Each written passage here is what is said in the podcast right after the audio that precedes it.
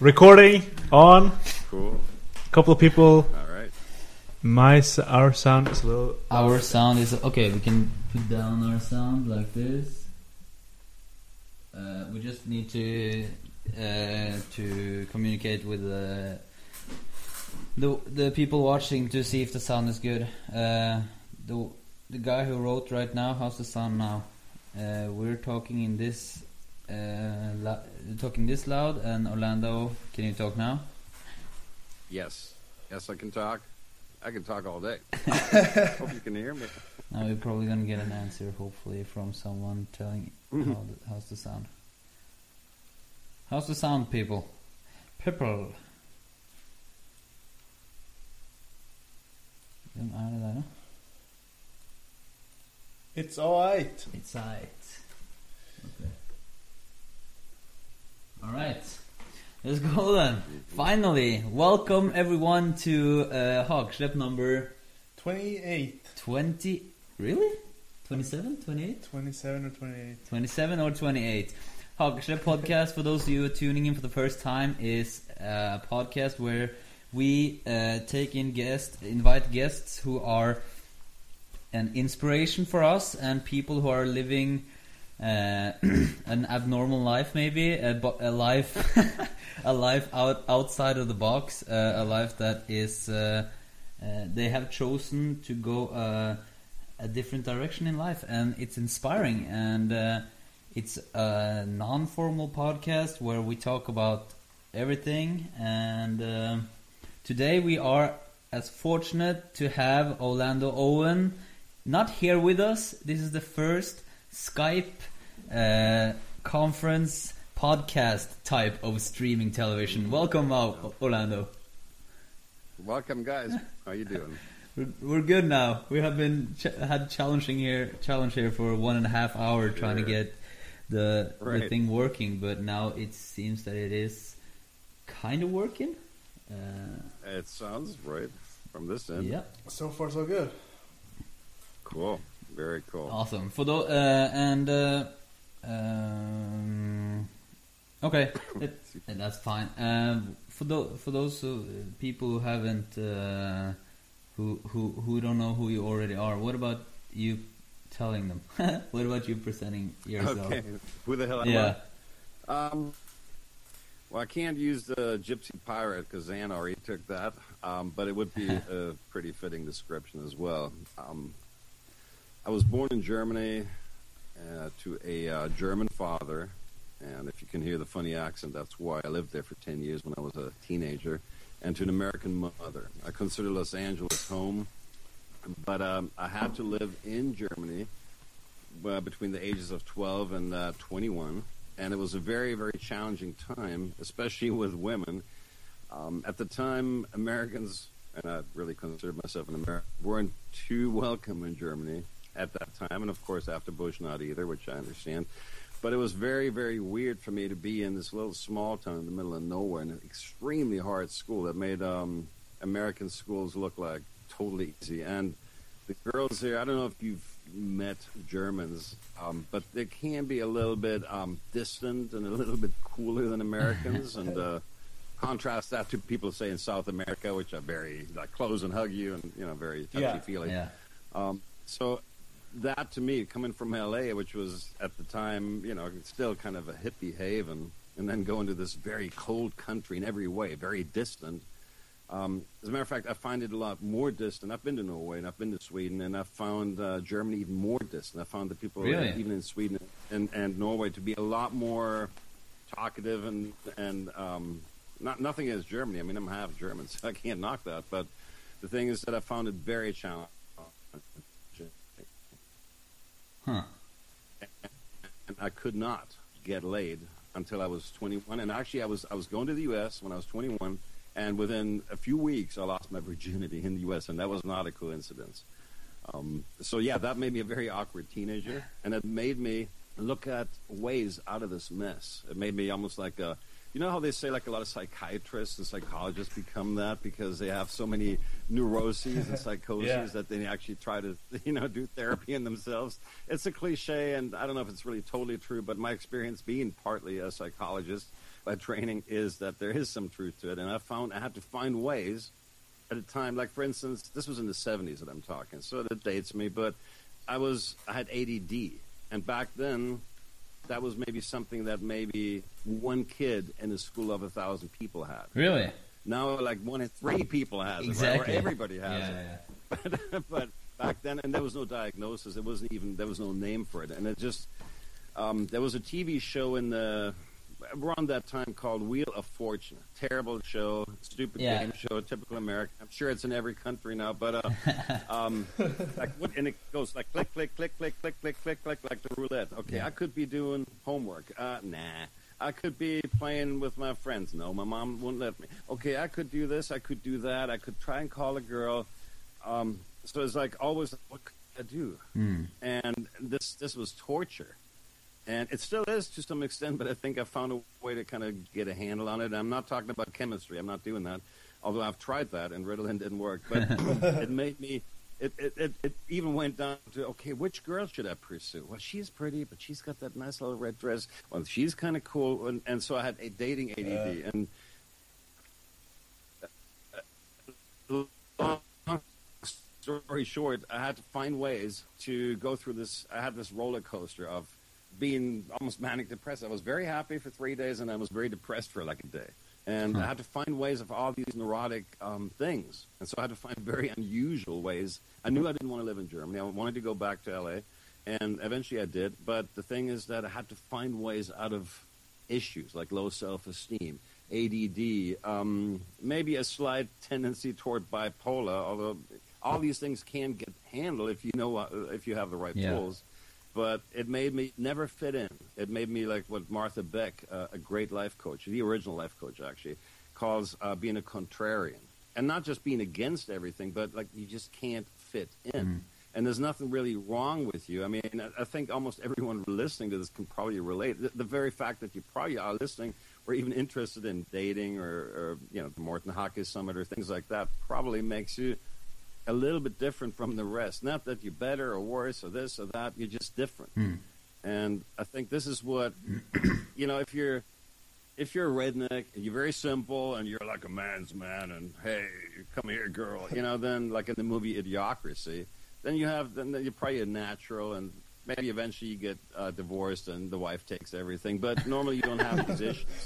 And one of my colleagues, um, David DeAngelo, Eben Pagan, he used to say the more intelligent, or he, I'm paraphrasing, but the more the, the more intelligent men, the more cerebral men, have more issues with women because we tend to overthink things. We're more in our heads. We're more like not even necessarily geeks or nerds, but we're just more in our heads. We think so much. It's like that whole ADD makes us think so much that we're not we're overthinking things. We're not doing it like in a direct. Um, like if you're if, if you get an IQ of, of 80, you know, and you're big lumberjack, and you know that's all you drive your pickup truck in uh, Canada, Florida, whatever. Hey, girl, come here. Hey, how are you? Uh, gonna buy you beer. but let's say you have an IQ of a little more than that, and you're like, okay, studying. Like 70% of the men that come to me are in some technical profession, either academia or IT, they call it now computer sciences, or engineering or something like that. And those guys are very, very much in their heads Yeah. uh, like I used to be, you know. And I was a very technical kid. I wanted to be an engineer and all that, and um, none of that worked. I didn't have the talent to, to do the math. I, I, I quit after you know, six semesters of college math, and I finally said, "Okay, this is too hard, math and physics. I, I can't. I'm not quite good enough." But that same approach toward women. I mean, in pickup, it appeals because you go in A two, you know, B three, C two. She says, "Okay, you say." If it's like a decision tree, it's almost like a flow chart in computers. And I was actually a computer geek at a very early age um, when they didn't even have PCs and Macs. And I wanted that so- solution. I wanted something that would tell me, well, if she says this, then I say this. And I wanted a formula. Yeah. And I think that's sort of like where a lot of people get stuck because in the old days, computers couldn't play chess because for every move, there's like 300 counter moves. Right? And for every one of these 300 counter moves, there's 300 counter moves. Yeah. And before you know it, you're talking trillions and quadrillions and billions and billions. And um, and now they found a way to sort of like limit the possible options to meaningful ones, and that's sort of like kind of what needs to happen, I think, with this whole pickup stuff. Because if you're thinking, well, if she says this and then I say that, and if she does this, then I say that, not only are you always overthinking stuff, but you're always reacting to her, which in the deep structure, which is the woman leads. And all these all these things kind of came to me when I was 14 or 16, you know, and I realized that that was what was going on, and I needed a different way to approach it. And I said, I can't do it in Germany, so I became somebody who traveled the world and searched for answers. And uh, in the meantime, Well, eventually I got late. Yeah. you were just you were Go 14, 15, 16 years old, and then you just went out into into the world searching answers. Uh, no, I went. I went around searching for answers then within the limited framework of a small town in Germany. But Okay. when I was 21, when I was 19, I decided, okay, I'm going to go to the U.S. All the only reason I'm even getting a high school degree here, and you have you have to be sort of like 19 to get one in Germany because it's got 13 grades. Okay. And America, we only have like 12, you know, or even none. but but um, in, in Germany, it's very, very hard. It's probably 10 times harder than anywhere in the U.S. And um, so I, I searched for answers. I was developing sort of like my own psychology and own ways of meditation and my own ways of like figuring this stuff out. And then I said, okay, the minute I'm done with this, I'm going to go back to the U.S. and I will make it my life's purpose to search for answers. And if I'm like so unhappy, if I have been so unhappy and I'm finding ways out of this mess, what I want to do is I feel so bad about anyone having to go through this shit. And if I'd only had mentors, like I found them in the U.S. very quickly, guys that knew how to do it and uh, that took me under their wing and taught me about women.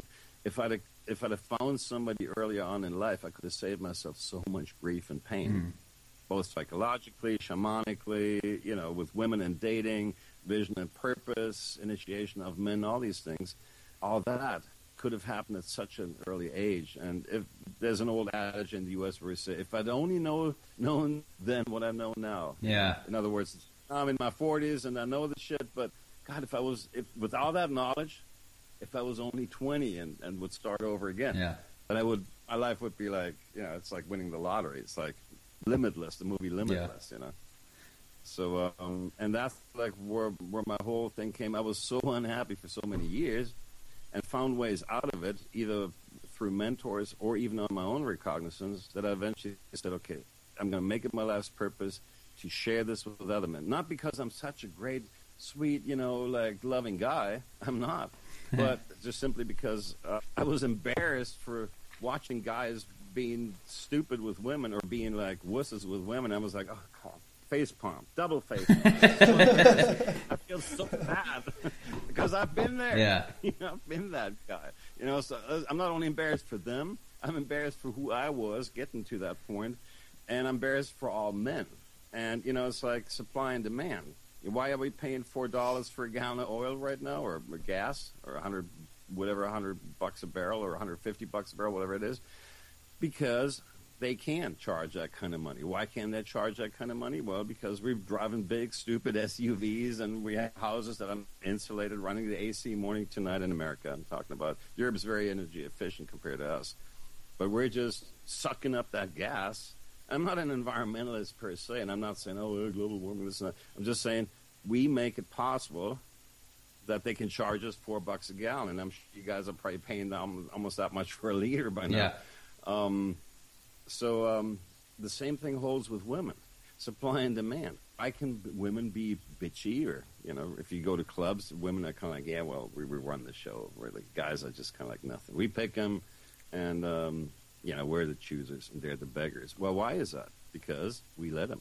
We don't lead them. We are nice wusses, or you know whatever. I'm not talking about you guys or anyone in particular, but if you look around, you know, the masses of people.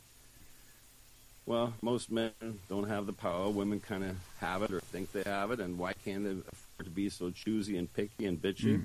Well, because we run after them, our power away, and we're not leading them. And, you know, if, if you don't lead women, then they become kind of bitchy. And this is like As they should. from uh, this is like I- I know you, and I know that this is not from a perspective from like a, a power uh, fight. No. You know, this is from from a, a, Oh. a point of love, right? This is because you Yes, yeah, yes. because that's an important thing. It's the opposite. Yeah.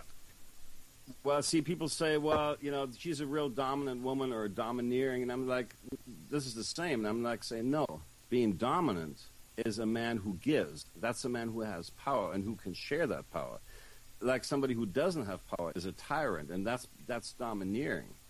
And that's what most guys try when they become like first they're the nice guy, like you know this is the Hegelian uh, dialectics. First you're the nice guy, that's the problem, the yin, the thesis. Then you you read all the pickup stuff. Then you become an asshole, kind of like a jerk. Oh, I need to be not a nice guy. That means I need to be an asshole. I need to be mistreating women. I need to tell them, hey, bitch, come here. Um, and that's compensation. You know, that's the antithesis. But then the synthesis, the integration, you know, um, is being a guy who's mature in himself, who has become initiated from boy to man, who has power and who can share that power. So then you become from domineering and controlling, which is, you know, still weakness, to being in control and to be dominant. And that's what women want. They don't want a guy who's domineering them. Hey, bitch, do this. Or, um, no, some girls like that, but um, I'm not advocating that so much. I'm saying, look, you know, it's like lead a woman. You have something to give. And if you really have something to give, genuine, authentic power gives. You know, it has so much to give that you can actually share it with somebody. And then women will like that. Whereas if you're, we're, otherwise you're like that controlling parent that says, "Why should I do that? Because I said so." You know, that's that's weakness. And I've seen a lot of guys go through that from the, when they realize, "Oh, I'm the nice guy, I'm the wussy." And now I need to be a man, and then they confuse that with being domineering, controlling, and women hating. And I've had a girl tell me uh, the other day, the wife, who's a real bitch between you and us, um, and me, um, so I won't mention the name, so I can say what I think of her. She's a real bitch. But uh, she was worried that her husband might wake up because she's been controlling the guy for 30 years. And then she said, So you're a woman hater, aren't you? And I'm like, No, quite the opposite. Although with you, I might make an exception. and uh, because it's just, she's just. Um, and she was worried. Well, she she she said something. For instance, I was talking about a guy who was really taken by uh, a woman, and and uh, the girl's already making some good money, and and he says, but she needs more money, and she's paying for it. And I was like telling uh, telling this to my friend in front of this woman, kind of to provoke her, so he would see what she's really about. And she said, well, of course he should pay. He's having sex with her. I'm like, oh, you mean she should be a prostitute? And then, uh, and then I unmasked her, and she hates me for that. And I said, "Look, you know what you just said is she should be a prostitute. She should be taking money for sex." And that's exactly the experience this man has had with his wife. Now, um, uh, there is no love there. This is control. This is kind of like what Johnny Soporno talks about with the, um, you know, the, the slut Yeah, yeah. versus the whore versus the the, Wife, the wife. and I love what he says, and it's I'm, I'm 100% with him on that. Um, but you know, it's it's this is this is being a worthy man. This is being a man who actually loves women, not a man who needs to control them. And um, yes, it's coming from love, and it's it's it's it's actually building quality relationships. And and when you are at that point, women will gladly follow you, Yeah. and then they know that you're not going to take them on a ride. You're taking them somewhere on a journey with you, and then they will love that. Yes, What- and that's coming from love. Yeah. What happened uh, when you got to the states? I'm curious to to hear what your like your learning curve. How did it develop? And uh, after you met different people, like what what was the learning process? uh, What a great question.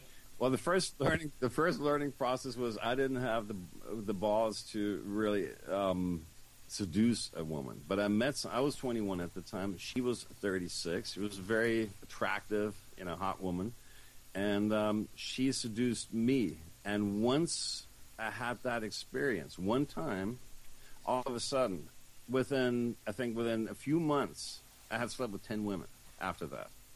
And then within like three years, I slept with a hundred because I was overcompensating. Um, so I learned a lot about it, but what I never learned is how to be a man and to guide these women. I was being picked up by women because I was kind of like a cute guy at the time, and this was a few, you know, this was a little while ago. But um, so women would always like hit on me, and I never learned how to do that. So okay, here I had mastered the first hurdle. I did get laid, and I got laid uh, like a rock star, but always on their terms. So then, like guys that were more mature than me, were a little older than me, said, "Look, you know, like you're doing something wrong there." And I said, "Why? It's working." I said, "Yeah, but are you truly happy?" No, I'm always looking for the next one, like Alfie. And uh, yeah, I want to relationship, but you know, in the meantime, I'm having fun. And so these guys would say, "No, you're being a you're being like um, a douchebag. You're you're using women. You're implying that you want a relationship with them, and in fact, you're actually cheating on them, and you're doing all this stuff." So that was the next step. I had uh, being a virgin for so long, and not by you know for lack of want.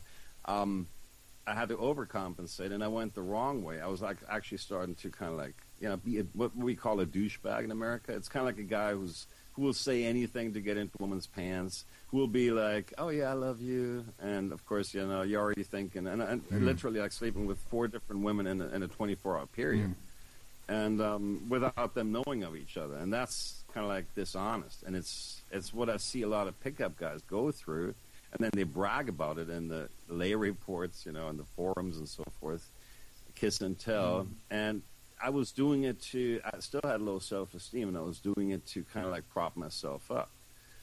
And along the way, not so much in college, but like maybe after college, like four years later, I was starting to meet older men as mentors and friends, and they they showed me one after the other. Said, "Well, yeah, you have those girls, but you have drama in your life. You have. Um, do you really feel like a man?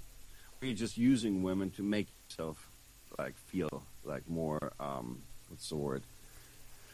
Validated. It- it's it's validated. Thank you. It's about the um, self esteem, and a lot of guys, you know, it's about well, I have the hotter girl, so I define myself. I want the perfect ten. I want the Barbie doll. I want the the really hot girl um, in my arm because that'll make me more of a man in the eyes of other men. And again, to quote uh, Johnny Soporno here, he says, you know, men don't really seek the approval of other women. They seek the approval of other men. yeah. And there's a lot of truth to that. And I think that I used to think what I really wanted was just to have as much sex and women and romance and all that stuff in my life as possible. But how come I was so empty the whole time? How come I was like, okay, the next one will bring me the fulfillment. Okay, the next one will be the one. Or maybe the next 50, if I sleep with only 100 more women, and then I'll feel like a man. And it never happens. I mean, it did happen eventually, but not that way. And um, I realized there's some bigger drive that's less conscious, less aware in men. And I've had a lot of arguments with the pickup guys about this. It says, no, as long as I have enough sex, I'm happy. And I'm like, okay, you don't sound like a real happy guy. You sound like a hater. and, uh, and before, Yes. you know, you were you were you were a dick because you didn't get laid. Now you get you like you're drowning in a sea of senseless pussy, like in Californication. But uh, um, but you're still being a dick, and you're still um, being unhappy. And and you know what? Why do you have to always prove yourself? I, I got the bigger car. I got the you know I'm I'm this. I'm that. And I'm okay. Uh, you know what what it is? You're not feeling like a man. That is the bigger drive. Yes, I mean, in the face of, of sex and pussy, of course, we think that's the biggest drive there is. But ultimately, I have come to a point where I get actually disgusted with with having sex on the same night. I would like play games with myself with the girls. Said, look, you know, I don't really sleep with a girl on the first night. As a matter of fact, not the first five nights. You know, and at first it was a takeaway, it was a game, but eventually I became, you know, I was more interested in, in creating that dynamic, and I'm still doing that. It's um, I was I was so fed up with just doing that and it being the same thing over again, different night, different girl, same thing, and uh, I still felt like the total douchebag I was, like the boy that I was, Yeah. and I was I was that boy well into my thirties. So um, that's that's sad. I mean, I would, I, and and you know this kind of feeling, this this inner need, that is not even conscious with most men. I didn't know what it was until I met Steve, Steve Pete. I honestly didn't understand what it was. Well, it was some Indian shamans that I met before that also taught me this, but it still didn't really sink in until I met uh, the man's man, you know. And um, he said, "Look, you know what you really want is the feeling of being a man. That's what you're after." and you're not being a man right now. You're a pussy. You're a wimp with women. You let letting them control you, and you know all that stuff. And yes, you. I said, yeah, but I have so many women. I said, but are you happy? Are you feeling like a man? And the answer was no, I wasn't. And I couldn't figure out what it was. I said, okay, if I do sports, if I become, if I do like karate and boxing and you know Krav Maga and all that, maybe then I'll feel like a man. And it never happened. Oh, okay, if I if I make a shitload of money and I'm very successful, well, maybe then I'll feel like a man. Well, I, w- I became a millionaire, bought a house in Vegas, and I still didn't feel like a man. So it, I couldn't figure out what the heck it was. It was it was like um, Neo. It's like something is driving you mad, like a splinter in your mind that's driving you mad, Neo. What is it? And I, I want to feel like a man. And then I met this um, ice skater who was a well-known professional ice skater, not in the Olympics, but like something like that, holiday on ice kind of stuff. And this girl was a typical guy chick. I mean, she was a wrangling uh, uh, cowboy or cowgirl. You know, she could literally ride and catch a cow with a lasso and bring it down. Wow. You know, and I was like, "Ugh, beat by a girl. I hate that. You know, and we'd we'd race jet skis till we almost killed herself. We'd climb like in Sedona in the mountains and almost killed herself, being always in competition Wow. and and uh, that was just so insane and that kind of that that put me so high over the curve that eventually under the mentorship of steve p i basically flipped Hmm. and it and it was complete a complete death and then uh, i secluded myself excuse me for a few months into the mountains of sedona and said look you know i'm gonna have to find out what it means to be a man. What is it? Please spirit creator someone out there is there anyone out there? Please tell me what it means to be a man. I need to know. I must know. Because i'm going crazy. And in here i'm like with a girl that's actually more macho than i am and, and, and beat by a girl. I mean like you know the surf chicks you get in california you know those those kinds of girls Yeah.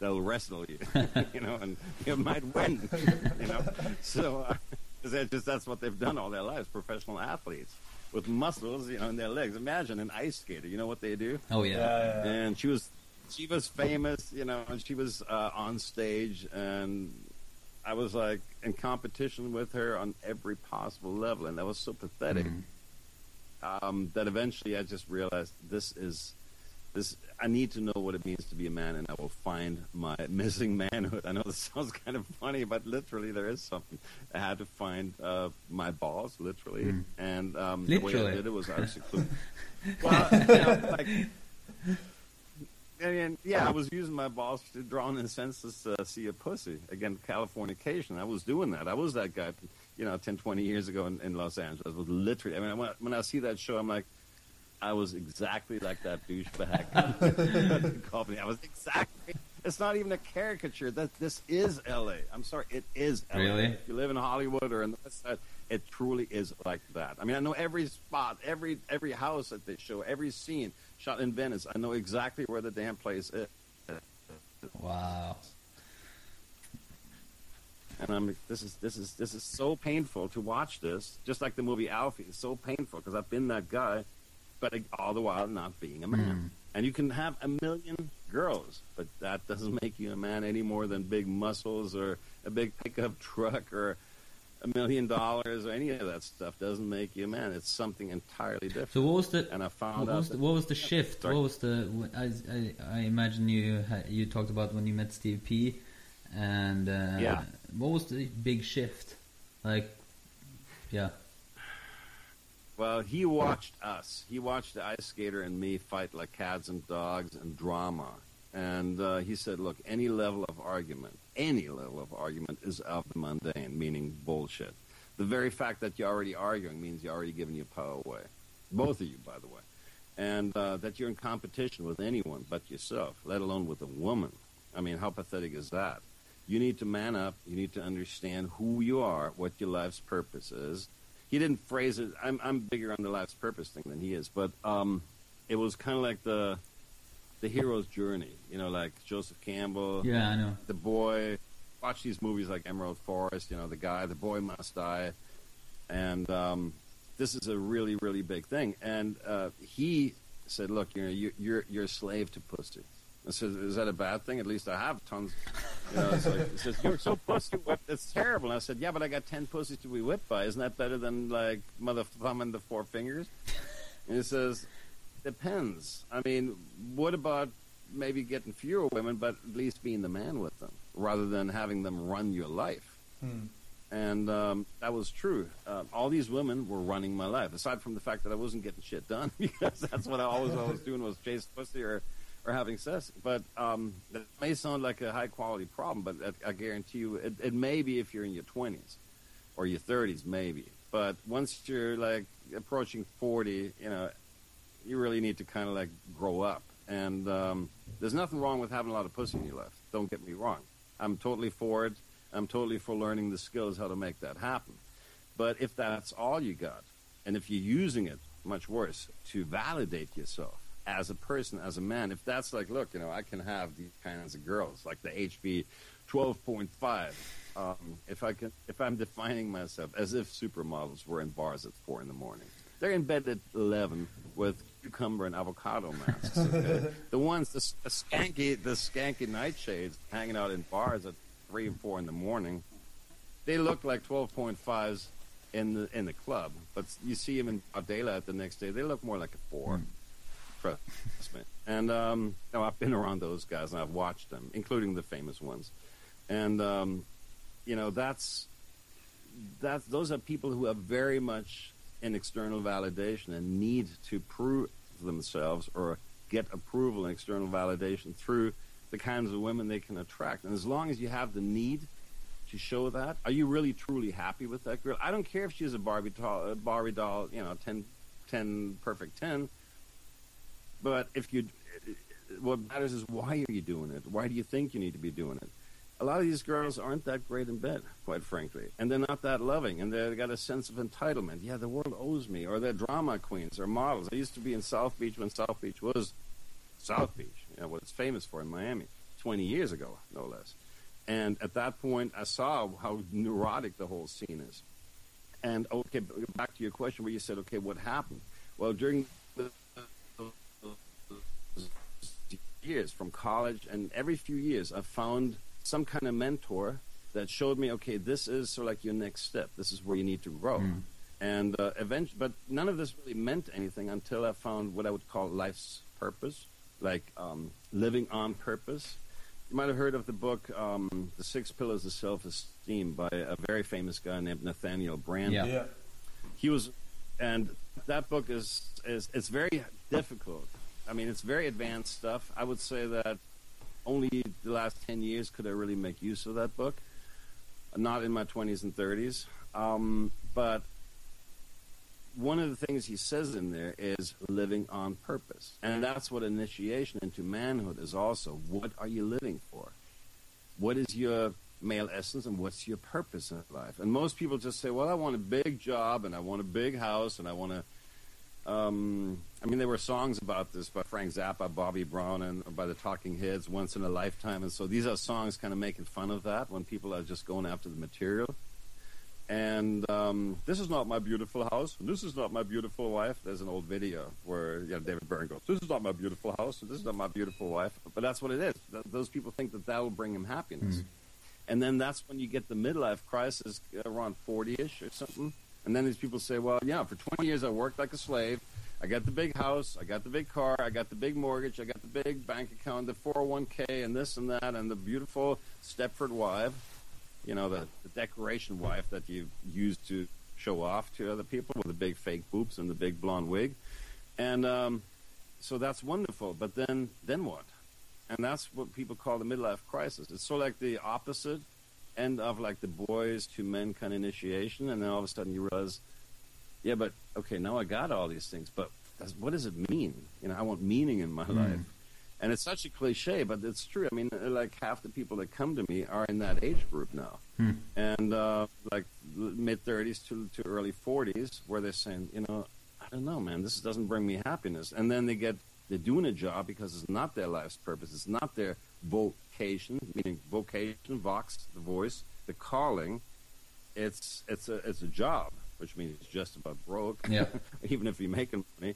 But um, then they realize, well, look, you know, what is this all about? You know, I have no meaning in my life, and now my wife's uh, cheated on me, or she's divorcing me, or Yeah. she's taking all my money, or at least half of it, and the kids are out out of, in school or out of school or whatever. And now what? You know, now I can buy the like Tim Ferriss talks about the guy, the fat guy in the red BMW convertible. said you never want. Have you seen that the four-hour work week? I, And uh, he said, uh, dude, dude, you know, and he and his friend, they're always saying, like, are you turning into the fat guy in the BMW?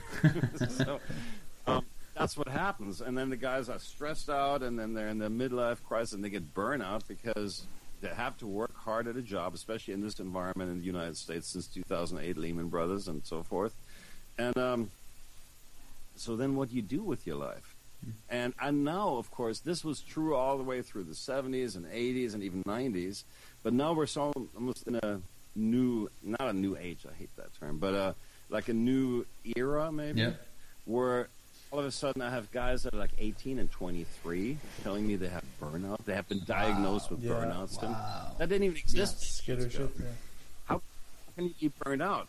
And they say, okay, let me ask you a few things. What's your life's purpose? Well, isn't the life the purpose of life?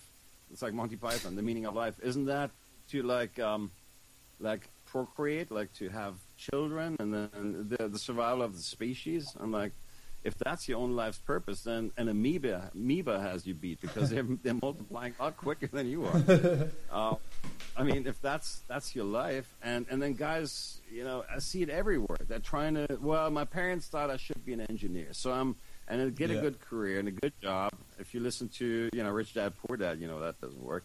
But um, so you go in and uh, get the good job and the good thing, this and that, and then you have to work very hard at something you really don't care about.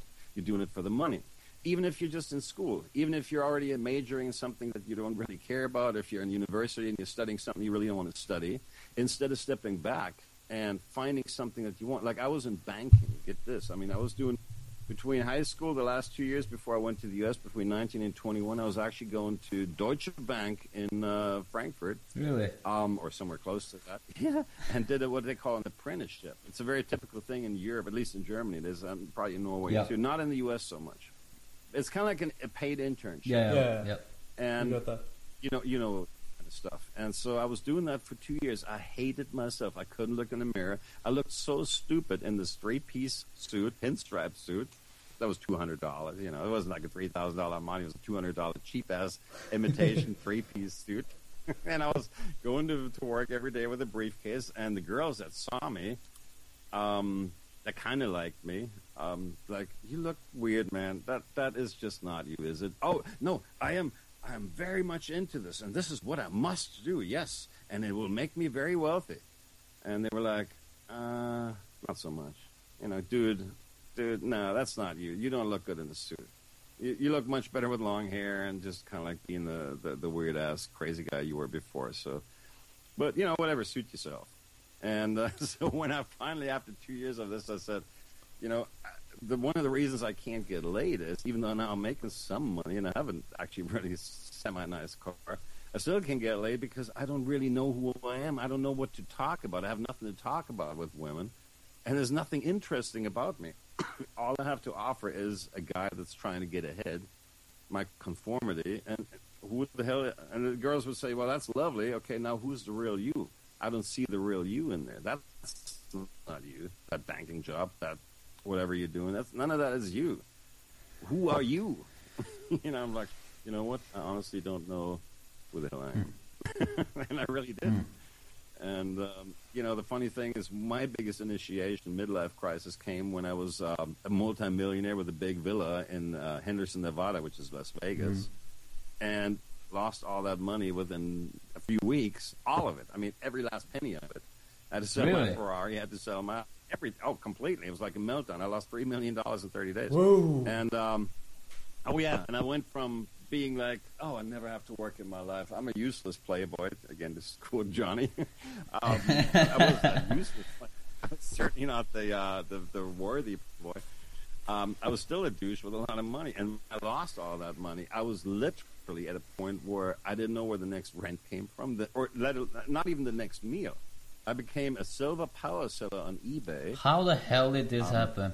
Like, how did you lose all that money? Um, It's a very complicated story, and no, it wasn't the typical. It happened actually two years before the big crash, Okay. and um, it wasn't that. It, it was just something really stupid that I did. Um, it wasn't even in the stock market. It wasn't any of that. It was. It was even more stupid than that. Okay. I was. I was so smart. I was being. I was so smart, and I thought I was so smart that I was being totally stupid.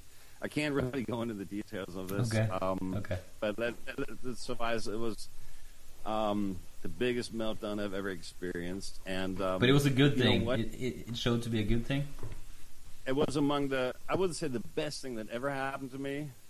Uh, probably the best thing that ever happened to me is, is my current girlfriend, and I'm already breaking the the the record. Uh, I've been with her for over three years, and that's uh, incredible. Congrats. And, uh, Nice. and we've we don't fight, we don't uh, thank you. So it's it's a whole different thing. So I would say that that's the best best thing that ever happened to me. But um, I would say that big meltdown. Um, I, I would say like getting into the mentorship with Steve P. You know, whatever ten some odd years ago was also one of the best things. And then the third best thing was that meltdown. I would say those are my three best breakthroughs in life ever. And um, Wow. even more so than getting paid, even more so than leaving Europe and going back to America. All those were great and important steps in my life. Going to South America and trying to find my manhood, my missing balls down there. Um, all those were good things. Excuse me. But the best thing, um, one of the most important things, we wouldn't be having this conversation if I hadn't lost all my money. And here's the thing, you know, since 95, from 95 to 2006 when I had the meltdown, um, that was um, 11 years. And I tried to, in, in 95, I went through a- an Egyptian style initiation school, very hardcore with Masonic death rituals and like the most scary thing you can imagine. Literally like death and rebirth. Hmm. So I had my initiation then. But for 11 years, I tried to build a business, a seminar business, workshops. I was already talking to all these guys in the then emerging seduction community and trying to figure out what we can teach men. And I was already teaching women, you know, since 1985. I've taught women in Tantra and sex and sexual therapy. All this was not the breakthrough. The breakthrough, I wanted to do this thing. I wanted to do these workshops yeah, I'm going to really do them. I'm going to really try and make this happen. And I really hope it works. You know, do or not do. There's no try like Yoda. And as long as I had the money in the background, I had the security. Like Zan, he said one thing once um, on stage that I really liked. He said, "Yeah, you're always looking at something to fall back on in Yeah. life instead of go- commitment. Don't have anything to fall back on." I was like, "God damn it, Zan, you got it. Mm. That's it. Yeah. That's, don't have anything." It's like in soccer. They say, well, you have to one leg to stand on and one leg to play with. You know what? As long as you have, this may be a ra- radical and extreme view to some, and I used to not believe it. I always wanted the security, but like Jefferson or whoever said it, um, those who will give up freedom to gain security will lose both and didn't deserve either. Um, yeah. Same thing is true with this. Uh, most people will say, "Well, you know, life's purpose that's wonderful, but you know, I got to make money first, and then when I have the money, then I'll look for my purpose." Yeah. Bullshit. Bullshit. It doesn't work that way. And I've seen it a hundred times, not just in myself. I've seen it a hundred times. You guys know about that because you guys are living your purpose, and that's a rare thing. And, and kudos and my respect to you guys. Thank you. I mean that that Morton Hawkins summit, even the first one that I've uh, had the uh, fortune to speak at, was already like perfect. So and, and I'm sure it got better the last couple. Thank of you. years. So, Yeah. uh, so amazing, amazing. See, that's life purpose. Again, another guy um, who who makes you know puts on conferences. Anthony Dream Johnson, Yeah. Yeah. Twenty One Convention. Good guy. That's the guy. It's about good guys. So these are guys that have a vision and purpose. They're super mature, like you guys are, uh, for your age. I mean, I was, I think at age 35, I wasn't half as mature as, as either one of you is now. No, seriously, I'm not trying to fire your asses. I'm just saying this is this is what's missing with most men, including where I was. I was the useless playboy douchebag, Alfie. And the thing is, as long as you have that security, as long as you're chasing the buck, it will always elude you. As long as you're chasing women, it will always elude you. The minute you step back and says, "Okay, who am I? What is it really about?" and I'm going to give it 100% commitment. I'm not trying to be like the NLP um, NLP motivational guru here. Not at all. I think that's actually wrong because most people are trying to motivate themselves for something that isn't their life's purpose. Yes. Mm. Yeah. That's when you need motivational training. When you do find that one thing, it's like the sweet spot on a tennis racket when you do find that thing that's truly yours, or when you're starting to zero in on it, because it's kind of like a funnel learning curve. You don't find it in one day or even one year. It, it's a process. You know, it's not an event. But when you sort of like narrow in on it, just by trying to find it, and I don't mean like the, the Yoda trying, I mean real, honest pursuit of I want to find my life's purpose, and if it's the last thing I ever do, um, when you do that, magic happens. And when you close all the other, like the what I call the monkey trap, you know, like yeah, but I got a, I got a good job here. I need to hell not. I hate my job, and if I only only live it, if I'm only at that job for another 46 years, then I'll get my retirement. It's You know, crazy those guys, thinking, those right? Guys that, it's totally crazy, and those are the guys that actually die like a year before they retire or a year after they Oh, retire. yeah. I'm, again, this is not necessarily the truth, but it's it's sort of like what I've seen too many times to completely dismiss it, and um, you can never uh, to try out to tie all this together. Like people say, well, what do I say when she says this, or you know, how can I be more interesting in conversations, and what should I say, and picking conversational topics from a menu. Well, look, if you have your life's purpose, if you're so enthusiastic, enthusiastic means theos, like theos, the, the, the like like it means the God within. Okay. Inspired, it's full of spirit. Okay. And it's like when you're inspired, when you're enthusiastic, then you have sort of like the Holy Spirit in you, like the, you Oh, know, yeah. like the apostle Pentecost. It's kind of like a weird metaphor. I'm not that religious, but the point is that's sort of like a good metaphor. And when you have that, then you already know what you're talking about. Yeah. You have some is so contagious in a positive sense. That's so, in, in you know, it's like women want to be around you. People want to be around Mm. you. All of a sudden, you'll be the life of the party, not because you're doing stupid magic tricks. you can float a beer bottle or you're wearing a furry hat, but because you are truly interesting. Yeah. And that's, uh, I mean, the, the thing that I was talking about uh, at, at the hockey summit uh, a couple of years ago was actually the difference between, um, like, just having presence and exuding presence, or having charisma, which is sort of like presence 2.0, you know, to, to quote an old uh, cliche. But uh, charisma is actually the gift of the gods when you are finding your life's purpose. That's really what it Yeah. means. When you live that, you're so passionate about what you do, not because you're motivating yourself, but because simply you enjoy what you do. It's intrinsically self-motivating. It's crazy how that works. And And, also we have It's amazing. it, we have we have uh, uh, students in our, our programs, and sometimes you can see it it changes overnight. Sometimes it changes overnight.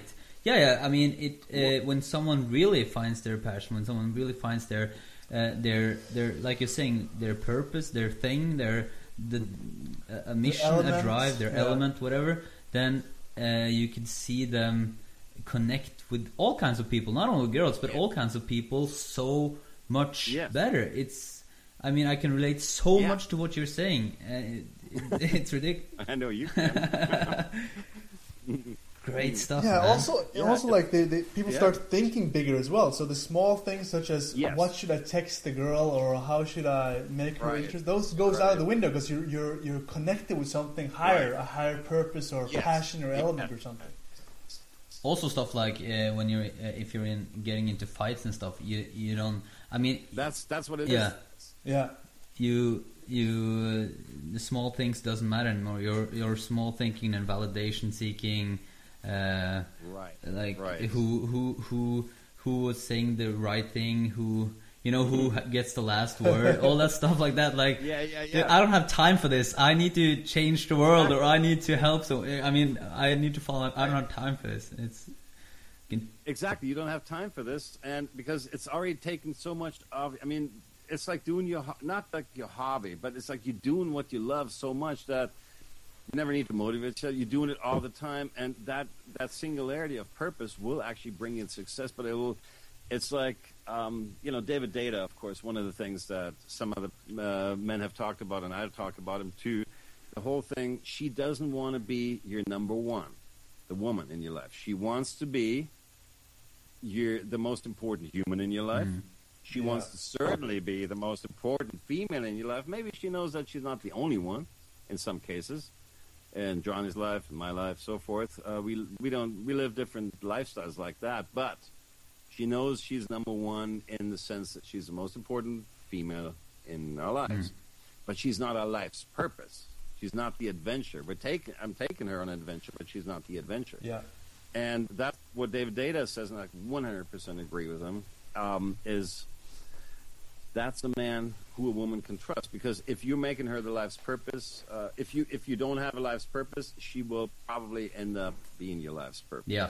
And the only way you cannot have that happen is not just by telling yourself, "Oh, I shouldn't do that," but it's because, because, because, because um, I have a life's purpose, and then the woman knows that if she leaves, will I cry? Absolutely, would I?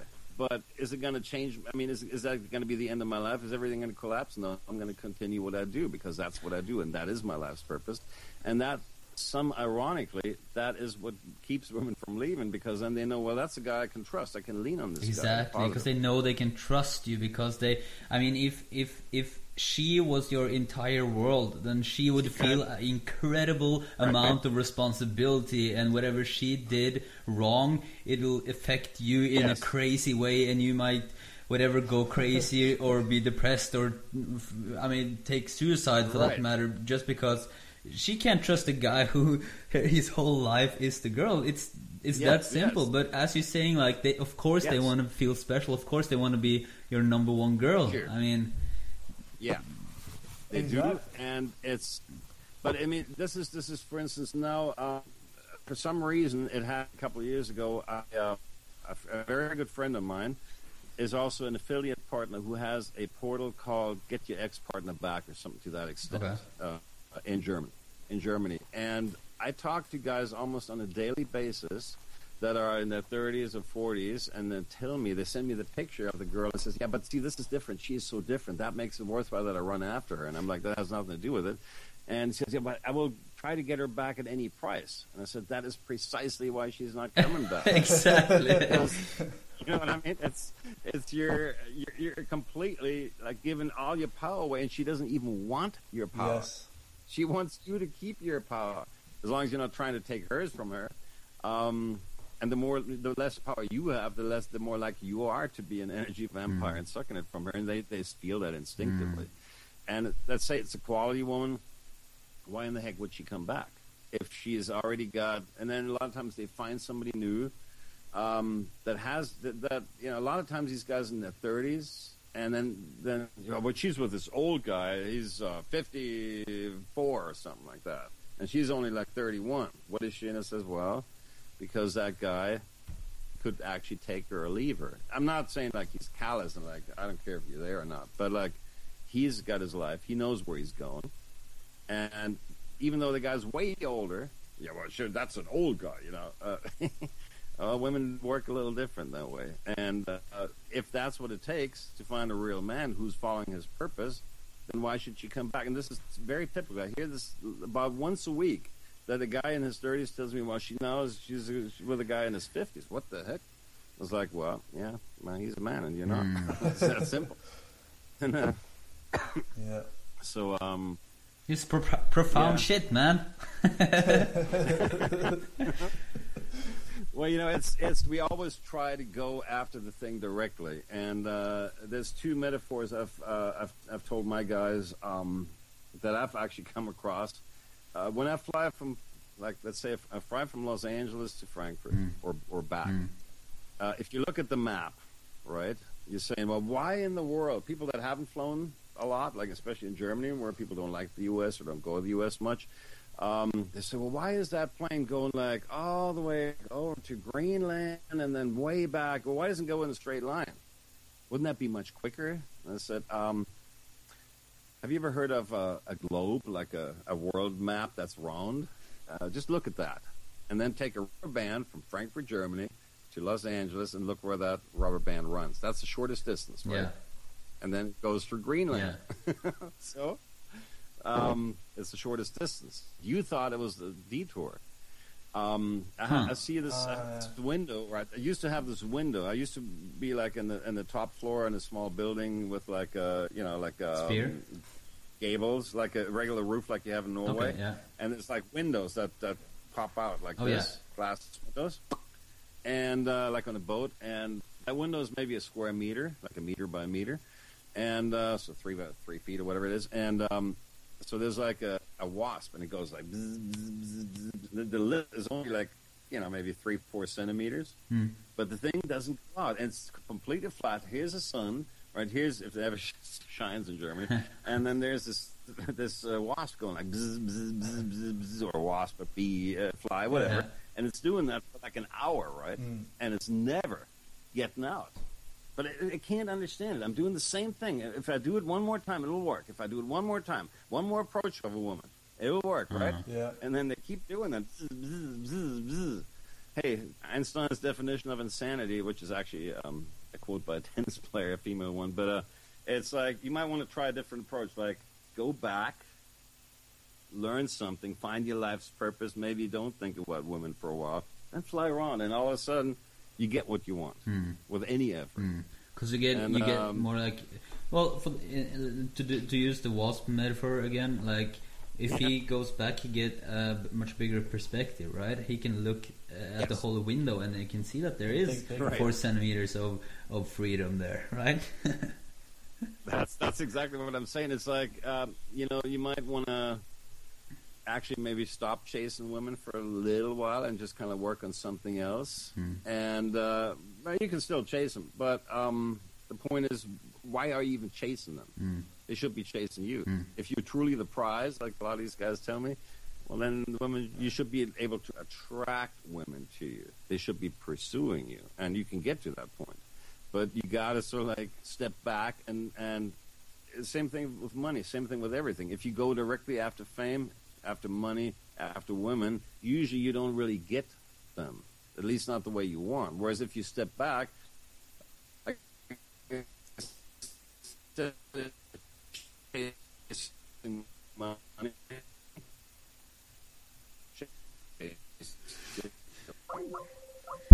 All right, we got like we- some uh, challenges with the. Lost Owen a little bit. All right, guys, bear with us. We're gonna call him up and see if we get him online again. How's the sound? Okay, people are saying sound and picture is good. Awesome. Is it interesting so far, guys? Oh,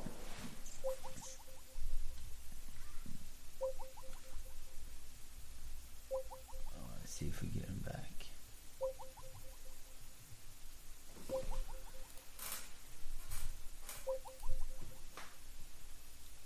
Is he calling up? I don't know. There we are. Hey, Hey, man. Hey. hey. We just. okay, I don't know what happened, um, but um, It's perfect. People can I hope I didn't- people can go to the toilet. It's perfect.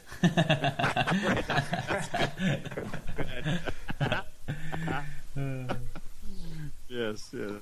Uh, we can Yeah. we still can't see you. Uh, we can hear you though. oh, I c that's funny. Wait a minute. Why is that? Oh, because I didn't click on video, right? Let me try that. Do it. See what happens. There you go. Okay. Baboom. All right. Okay, okay, okay, Good. That was easy. Perfect. Technology. Technology. This is the first time. I mean, Yeah. for It's um. It's a good first time. it's a good first time. It's been it's been pretty good. It's been a couple of times where it's, the sound has been lagging a bit, but Oh, then really? no, no, but Okay. then we then Yeah. it retract. I mean, it's like fast forward, so everyone can get Oh, If you know yeah. what I mean. hate the when it goes when it sounds like it's coming from Mars. yeah. But it's good. It's all good. All good. It's cool. Good. Good. Good stuff. Yeah. Yeah.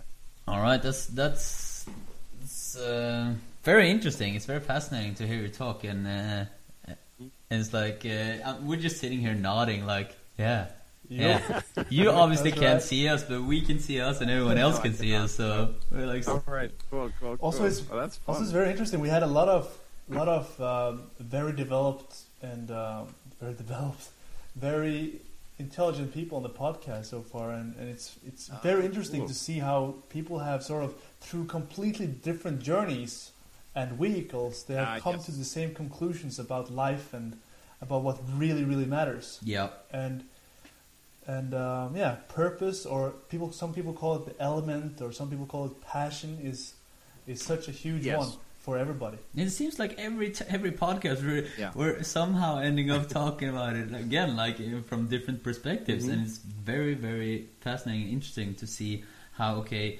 uh, someone, no matter what they started off doing, when it there's a, there's like a circle of mastery when you Yeah. it ends up being like surrendering yourself to your Mm. passion and that can be the most the, the scariest fucking thing ever to to really go for it right To really surrender yourself to that.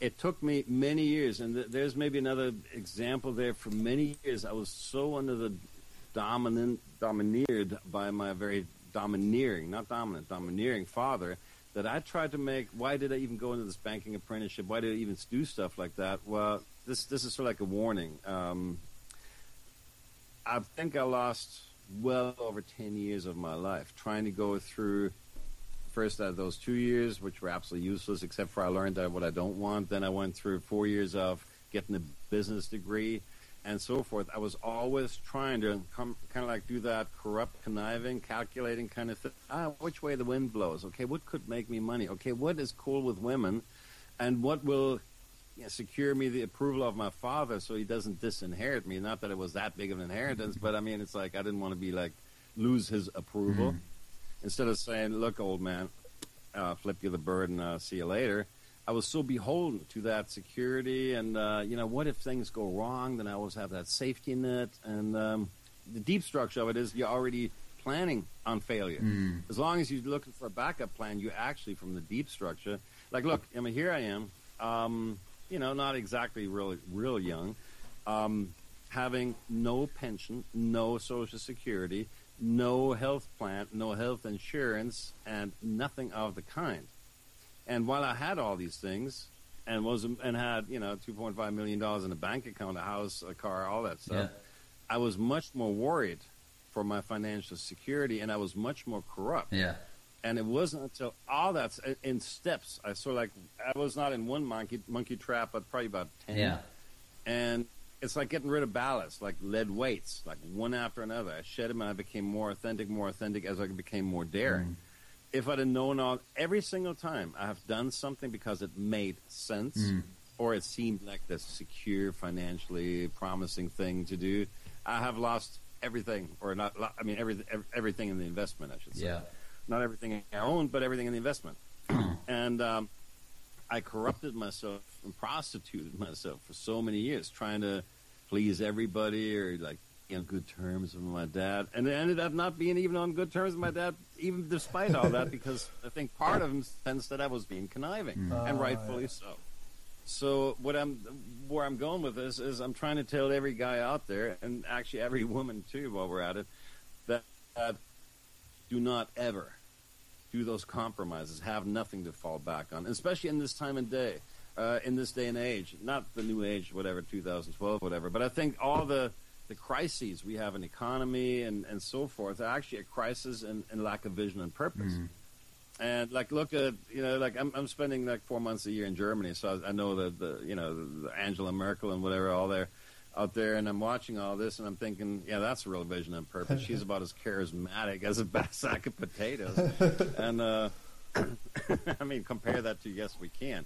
And it's more like, nah, we can't. and, um, seriously, I'm not being facetious. Excuse me. But uh, the point is, um, all this, to me, the, the big crisis is almost like we can't, um, like what was possible like 30, 40 years ago, where you could, ah, I'll just get any job, I'll just make some money, I'll, I'll just wing it. Um, to me, the analogy is I've raced cars for many years of my life. Uh, not recently, but like when I was in my 20s and 30s and so forth, when I had all that money, I was racing cars. And um, I remember going from like these, like the cars we had in America in the 50s and 60s were like, I mean, if you went this way on the steering wheel, it wouldn't change anything. It was like a big boat, right? wouldn't change anything. You still kept going straight. It was like the car would wobble a little bit, but it's like, I mean, it was like there was so much slack in the steering. You could get away with a job that had no meaning. You would still make money, right? okay yeah So then the 80s came along and the Japanese and German cars flooded the U.S. market, and all of a sudden American cars on, became better and better. And now American cars are actually pretty damn good. Uh, they may not be, you know, like a Mercedes, but they're still pretty damn good. Um, I'm driving a 15 year old Corvette, and the thing still does 0 to 60 in four and a half seconds. And the thing has hundred thousand miles in it, but it's dang good. I mean, it, it, it I raced Porsche the other day and I won, and uh, even around the track. So these cars are very precise now. Then I thought I was really hot shit, and I went into what they call open wheelers, like monoposto cars, Okay. like uh, Formula type cars. Oh, yeah. not Yeah. Formula One, but like miniature Formula car, like Mo- Formula Mazda, 170 horsepower. Yeah. And you're doing 180 miles an hour in a canoe on wheels, right? so that's freaking right. Oh, it's totally. Oh yeah, the canoe looking First cars. Yeah, I know. Yeah. Yeah, it's like the canoe with the wheels, and like I thought, I thought I was, I did when I first did this when I was like, like early 30s when I first stepped into one of those cars, it made like a Porsche look like an old American street cruiser. Wow. Um, so it was so precise that when I tried to steer, I would like end up in the green, right? Mhm. So I I had to I had to totally go into had to completely redefine driving because I could no longer drive with my hands and my mind. I had to drive with my intuition and my intention. Yeah. And where I'm again, where I'm going with all this long story is, like nowadays we're so like there's no warning. I mean, like the slightest mistake you make, you're off the track and you're probably dead. So, um, law of attraction, being precise. Law of attraction says whatever is going on inside of you will go out, be reflected in the outside world. It doesn't mean I sit there, I visualize like the secret, and then I attract shit to me. No, that's not what it says. What it says is if you're feeling rich, you'll probably attract money. Yeah. If you're feeling not rich, or you're feeling lonely, or you're feeling desperate, or you're feeling unattractive, well, then the outside world and women and, and the marketplace will reflect that back to you. And again, vision and purpose. Like in the in the seventies, we had the big cars. Ever, you know, like you could go like goofy, and would still go straight, right? Um, but nowadays, everything is tighter and more precise, and there's no more margin for error. There's no more wiggle room.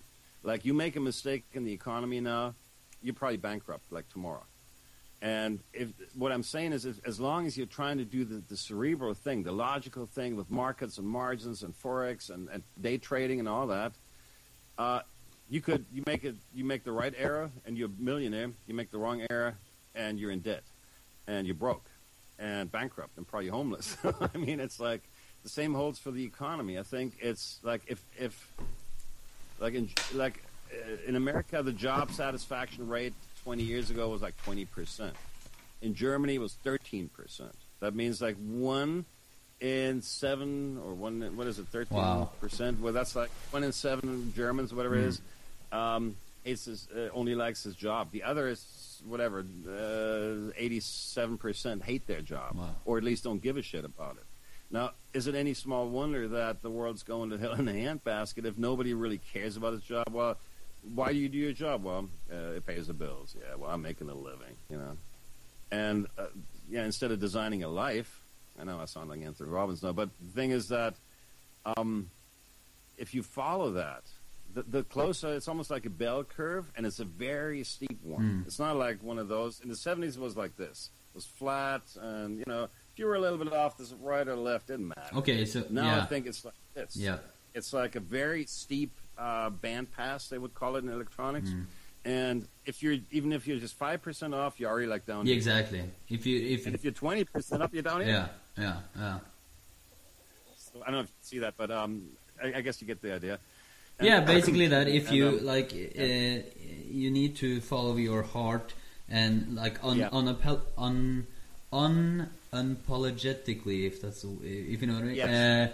uh, uh, and if you do like half-assed then it doesn't count right.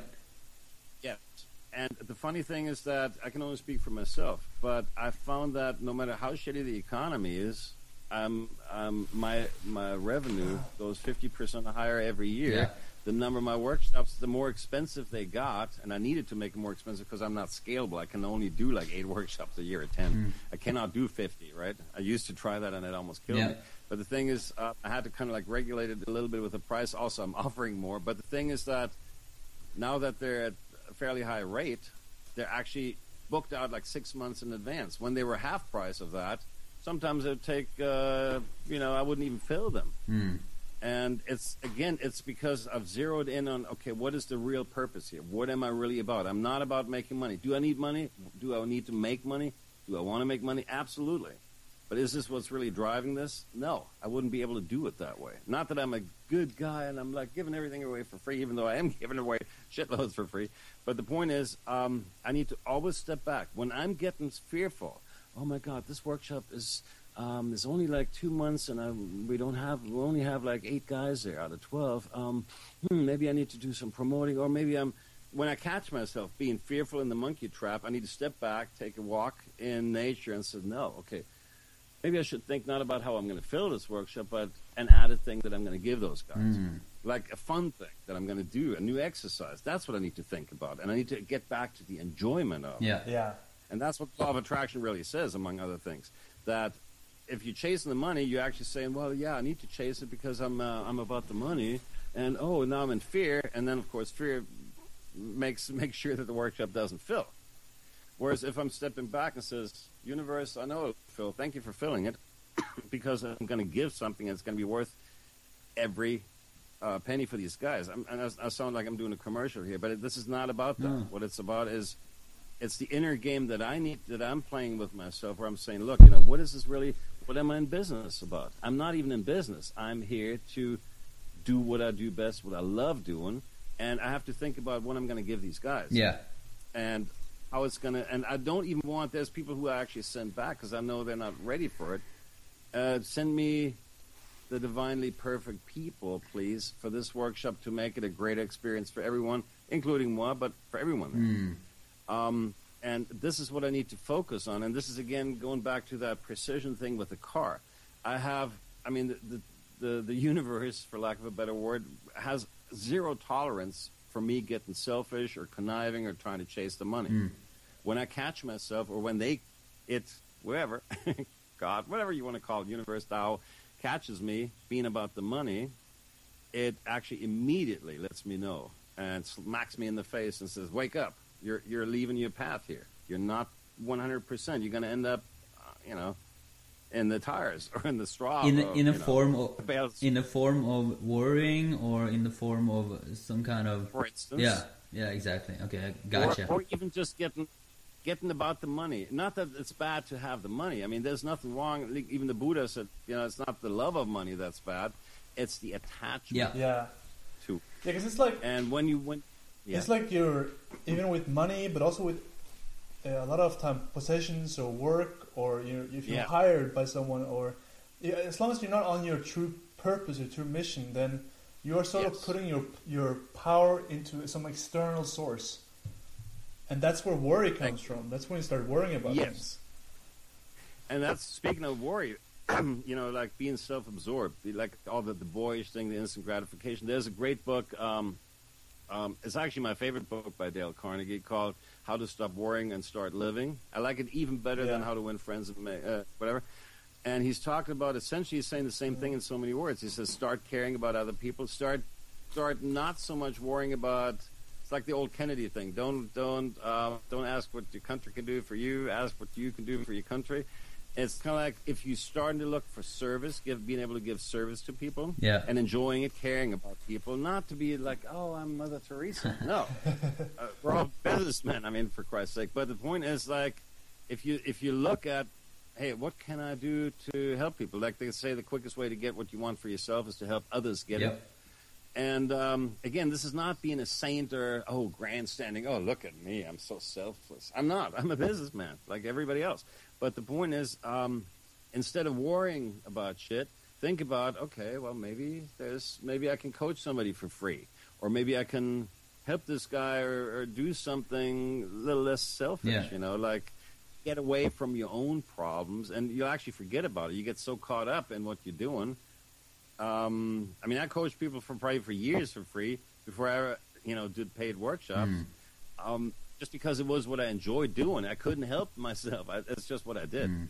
and so and it distracted me from my financial woes of not having a pot to piss in, quite frankly, or where the next meal was going to come from, or to be pushing a shopping cart across across the street of Phoenix Wow. uh, and sleeping. You know, I mean, literally, those were issues that uh, that I was facing face to face. And instead of just trying to make money desperately, I was like, no. I took a long walk every night for an hour in Sedona, Arizona, and I was like talking to my spirit guides. I guess that gives me away as a woo woo guy, but um, but they said, look, you know, forget about all this shit. Forget about all that stuff. You found your way out of the desert. This, is literally like Moses in the desert, you know, in the wilderness, trying to find Mm. out of the desert. And uh, you need to do is completely forget all that shit. Don't worry about money. Don't worry about any of that. Just do that. Write the workshops, coach people for free, and we swear to you, the money will come. And it sure as hell did.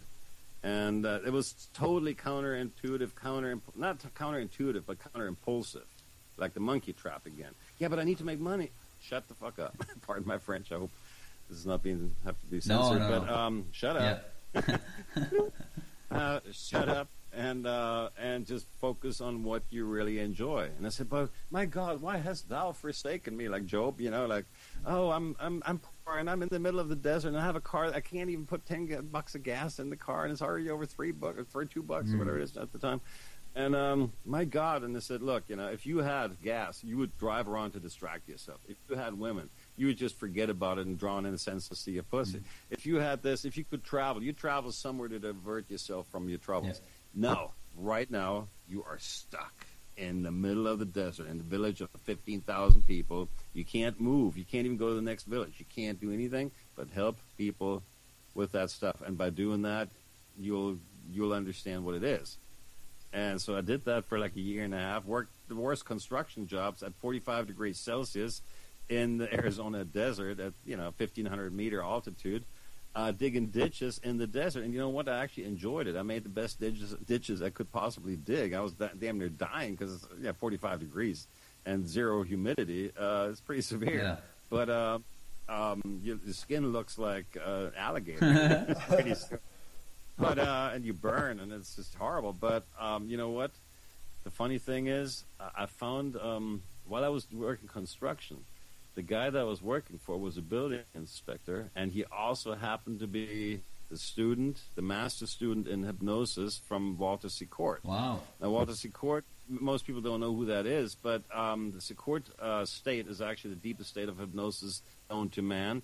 And I would rank uh, Walter Sichort actually on uh, the same level, literally, with um, Milton Erickson. Hmm. I think those those. Uh, now Milton Erickson didn't do NLP. He said all hypnosis is self hypnosis, and that's one of the things I discovered. But here I'm working construction, like surviving for five bucks an hour, like the Mexicans, right up there. And um, here's the guy that that I'm working with, that I spend eight or twelve hours a day with, is actually one of the best hypnotists in the world, Wow. and a good teacher at teaching that. And so I, you know, I got hundreds of hours while we were working of free instruction in all the intricacies in hypnosis from one of the best in the world while I'm working construction. So was that a blessing in disguise? Yeah. And uh, I mean, you can't plan this stuff, right? Mm. There's no way you can plan that. You can only go in the inner game and be ready for. They say luck is opportunity meets preparedness. Here I was preparing myself, and all of a sudden, a stroke of luck. It's like throwing a match on a field of gasoline, and when you're preparing yourself, when you even if the money doesn't come right away, even if it takes a year or two, or you don't have any choice, it's still better than going to some stupid ass job. Uh, just to make the money. It's better to be poor, and then all of a sudden, when those two things come together, it's magic, commitment. It's People don't think people don't think that Yeah. you can't uh, like live. You need money to live, and you can't live off your passion. Well, Yes.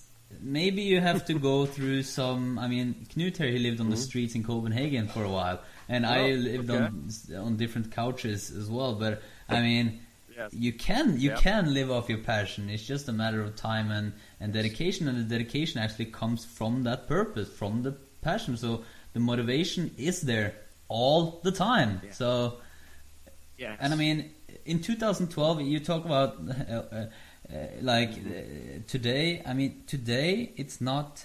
ev- There are so many opportunities to take your passion and make it into Yes. some kind of cash. It's ridiculous. Like anyone, like we talked about a podcast the other day. Anyone can do this. Mm-hmm. Anyone can, uh, with uh, some average technical skills. Maybe not the Skype call though, but I mean, people people can People can do this kind of stuff. Re- Vlogs and record. videos yeah, I know. Yeah, whatever. Yeah. Set up a blog or whatever, uh, and follow Right. their passion and talk about their passion, and the opportunities will follow. It's just a matter of keeping your eyes open.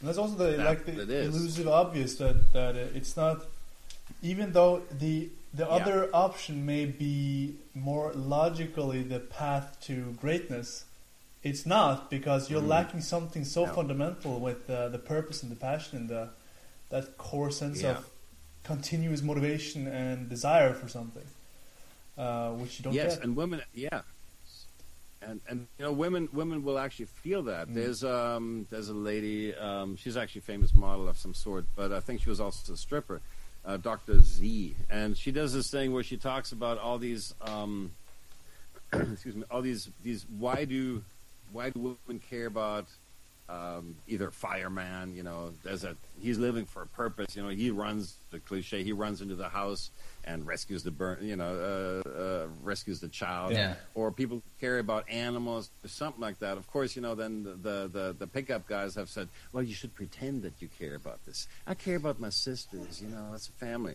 But that's fake. But I mean, if you if you really care about something, women will feel that and they will pick up on it Yeah.